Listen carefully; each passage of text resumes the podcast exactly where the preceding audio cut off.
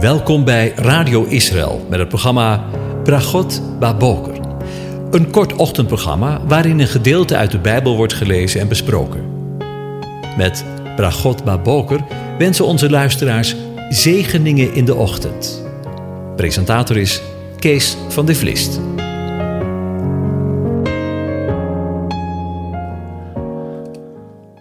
Bokatov, goedemorgen beste luisteraars. Vandaag en de komende periode wil ik met u nadenken aan de hand van Psalm 90. De reden daarvan is dat ik denk dat we in een bijzondere tijd leven. In een tijd waarin ik mij in toenemende mate realiseer dat we hier geen blijvende stad hebben. Nu kan dat natuurlijk met mijn leeftijd te maken hebben. Ik ben inmiddels uh, eh, 63 jaar. Maar ik denk dat het versterkt wordt door de tijd waarin we leven. Een tijd van verwarring. Verwarring over de toekomst. Verwarring over het verschrikkelijke virus dat wereldwijd over de aarde inmiddels honderdduizenden doden mensen fataal is geworden. Mensen, ook jonge mensen, gezonde mensen, die bij duizenden ineens maar zomaar sterven. Verwarring in de kerk, waarin we naar antwoorden zoeken de een gelooft dat we als mensheid in een verschrikkelijk complot terechtgekomen zijn, en de ander ziet dat helemaal niet. De een ziet het vaccin als een gave van God, en de ander als een list van de tegenstander. En velen wachten nog even af om te zien wat het vaccin op langere termijn doet. Ik zie om me heen en ervaar zelf dat wanneer je niet uitkijkt, elkaar daarop aanziet nog erger soms op veroordeel. Het vaccin brengt, hoe we het ook zien, een tweesplitsing in kerk en samenleving. Gevaccineerden krijgen stukje bij beetje hun vrijheid terug. Zij die niet gevaccineerd zijn, worden in vele gevallen daarvan buitengesloten. Regeringen tobben met maatregelen, zoeken naar waarheid of verliezen zich in leugens. Het in vertrouwen met elkaar optrekken blijkt ook in regeringskringen, niet alleen in Nederland, maar ook in Israël, maar ook in zoveel andere landen niet meer vanzelfsprekend. En in het voorheen christelijke Nederland leven we met een regering die bij wijze van spreken het kosher vindt dat vrouwen zich zonder enige bedenktijd door artsen tussen aanhalingstekens laten aborteren. Met andere woorden, kinderen die de God van het leven geschonken heeft, in stukken zagen.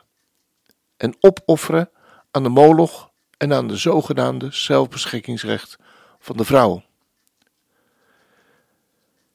Lieve luisteraars, we leven in de dagen van Noach.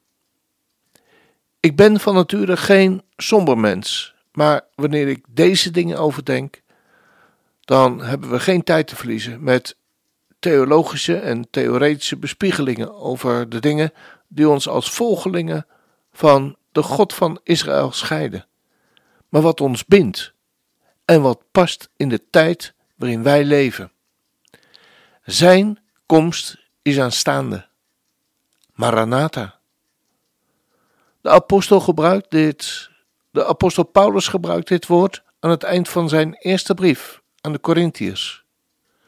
Als een afscheidsgroet. Als iemand de Heer Jezus Christus, Yeshua HaMashiach, niet lief heeft, laat die vervloekt zijn. Maranatha. Het zijn niet mijn woorden. Maar laten we ze wel diep ernstig nemen. De meest waarschijnlijke betekenis van Maranatha is: Onze Heer, kom. Maar ook: Onze Heer is gekomen en Onze Heer zal komen. En behoort tot de mogelijke betekenissen. Vandaag wil ik een start maken met het overdenken van Psalm 90 aan de hand van de Joodse uitleg En ik lees het aan je voor. De eeuwige God en de onvergankelijke mens. Dat hebben de vertalers erboven gezet. Een gebed van Mozes, de man van God. Heere, JHWH, God van het verbond, u bent ons een toevlucht geweest, van generatie op generatie. Al voor de bergen geboren waren en u de aarde en de wereld voortgebracht had, ja, van eeuwigheid tot eeuwigheid bent u God. U doet de sterveling terugkeren tot stof en zegt: Keer terug, mensenkinderen. Want duizend jaren zijn in uw ogen als de dag van gisteren, wanneer die is voorbijgegaan, of als een waken in de nacht. U spoelt hem weg. Ze zijn als de slaap. In de morgen zijn ze als het gras dat opkomt. In de morgen bloeit het en het komt op. S'avonds wordt het afgesneden en het verdort. Want wij vergaan door uw toren. Door uw grimmigheid worden wij door schrik overmand. U stelt onze ongerechtigheden voor ogen. Onze verborgen zonde, onze verborgen zonde in het licht van uw aangezicht. Want al onze dagen gaan voorbij door uw verbolgenheid. We brengen onze jaren door als een gedachte. De dagen van onze jaren dan zijn 70 jaren. Of als wij zeer sterk zijn, en letterlijk staat bij krachten zijn, zijn 80 jaren. Maar het beste daarvan is moeite en verdriet, want er wordt snel afgesneden en wij vliegen erheen. Wie kent de kracht van uw toren en uw verbolgenheid? Wie weet hoezeer u te vrezen bent? Leer ons zo onze dagen tellen, dat we een wijs hart verkrijgen. Keer terug. Heren, hoe lang? Laat het u berouwen over uw dienaren. Verzadig ons in de morgen met uw goede tierenheid. Dan zullen wij juichen en verblijd zijn tijdens al onze dagen. Verblijd ons overeenkomstig de dagen waarin u ons verdrukt hebt, overeenkomstig de jaren waarin wij het kwade gezien hebben. Laat uw werk aan uw dienaren gezien worden, uw glorie over hun kinderen. De lieflijkheid van de Heer, onze God, zij over ons. Bevestig het werk van onze handen over ons. Ja, het werk van onze handen. Bevestig dat. Tot zover. Ja, en dan wil ik nog een stukje lezen uit de Joodse Bijbel, zoals zij die lezen. Twee stukjes. Een gebed van Mozes, de man van God. O Heer, u bent van generatie op generatie onze woonplaats geweest. Voordat de bergen werden geboren en u bracht de aarde en de bewoonde wereld voort, van, en van eeuwig tot eeuwig bent u God. U brengt de mens tot het verpletterende punt en zegt: Keer terug, o mensenkinderen. Duizend jaar zijn uw ogen als gisteren die voorbij ging, en een wacht in de nacht. En dan het volgende stukje. Verzadig ons morgens met uw liefderijke goedheid en laat ons lof zingen en blij zijn met al onze dagen. Laat ons ons verheugen volgens de dagen die u ons hebt gekweld, de dagen dat we het kwaad hebben gezien. Mogen uw werken verschijnen aan uw dienstknechten en uw schoonheid aan hun zonen. En mogen de heerlijkheid van de Heer, onze God, op ons zijn. En het werk van onze handen voor ons bevestigen. En het werk van onze handen het bevestigen. Tot zover. Rabbi Yitzhak Rubin, die zegt over deze psalm het volgende. Wetenschappelijk is aangetoond dat er een verminderd risico is op de ziekte van Alzheimer als men het brein steeds weer nieuwe dingen leert. Dit bewijst volgens hem wat de Torahwijzen al eeuwenlang zeggen, namelijk dat Torah-studie belangrijk is voor het geestelijke welzijn van de mens.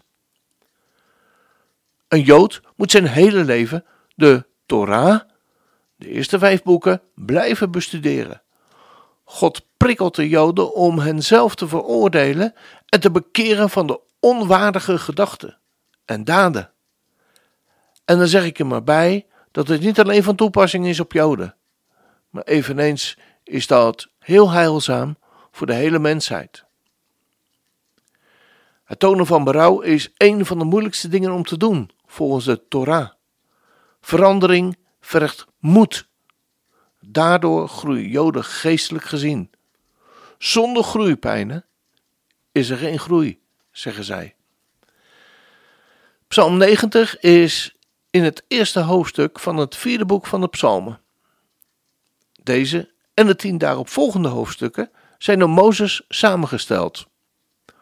Volgens Rashi, een andere Joodse geleerde, komen de psalmen 90 tot en met 101, 11 dus in totaal, overeen met de elf zegeningen die hij aan de elf stammen heeft gegeven, zoals we dat lezen in Deuteronomium 33. Zowel psalm 90 heeft betrekking op de teshuva, het berouw van de stam van Ruben, de oudste zoon van Jacob. Ruben had berouw van de verkoop van zijn broer Jozef. Zijn volledige berouw is hiermee de eerste die in de wereld werd geïntroduceerd. Hij deed berouw over een zonde waarvan hij eerder dacht dat hij het moreel goede daad had gedaan. Dit is de moeilijkste vorm van berouw en kost veel kracht en oefening, zeggen de Joden. Als je iets denkt dat je iets goed gedaan hebt en daar toch op terug moet komen en daarover berouw moet tonen, dat kost je jezelf. Mozes begint deze psalm met de belangrijkste, belangrijkste realiteit van het bestaan van de mens, namelijk dat God onze woonplaats is in elke generatie. Dat is bijzonder, hè? In God wonen. God is onze woonplaats, staat er. Letterlijk. In alle tijden en op alle plaatsen. Zonder band met God zijn mensen tot de meest verschrikkelijke dingen in staat. We hebben dat net ook gelezen, gezegd. Daarom roept God de mens constant op om naar Hem terug te keren, berouw te tonen. Omdat God boven de tijd staat, kan Hij de mens waarschuwen voordat deze gaat falen.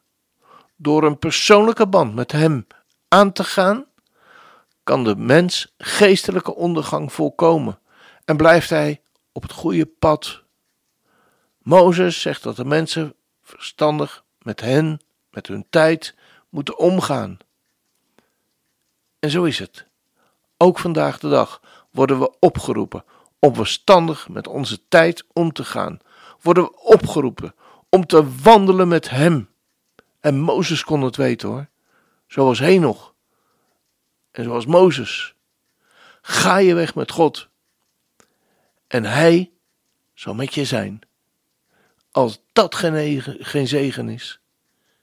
Deze keer heb ik gekozen voor het lied Ga met God en hij zal met je zijn. Gezongen door Sela. En onder andere Kees Kraaienoord tijdens een Nederlands zingdag. Ik wil dit lied als een soort zegen ook aan je meegeven vandaag. Ga met God. En hij zal met je zijn. We gaan luisteren.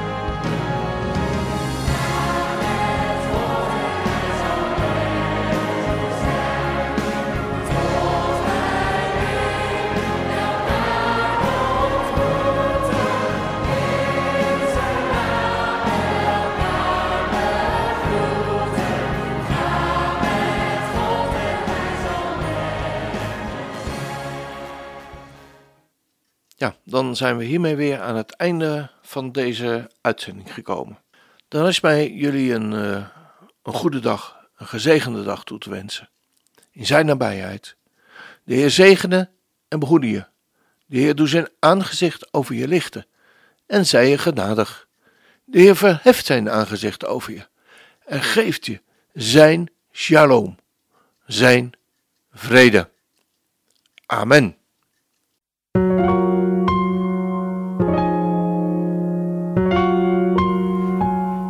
U hebt geluisterd naar het programma Bragot Baboker. Een kort ochtendprogramma waarin een gedeelte uit de Bijbel wordt gelezen en besproken. Wilt u het programma nog eens naluisteren, dan kan dat.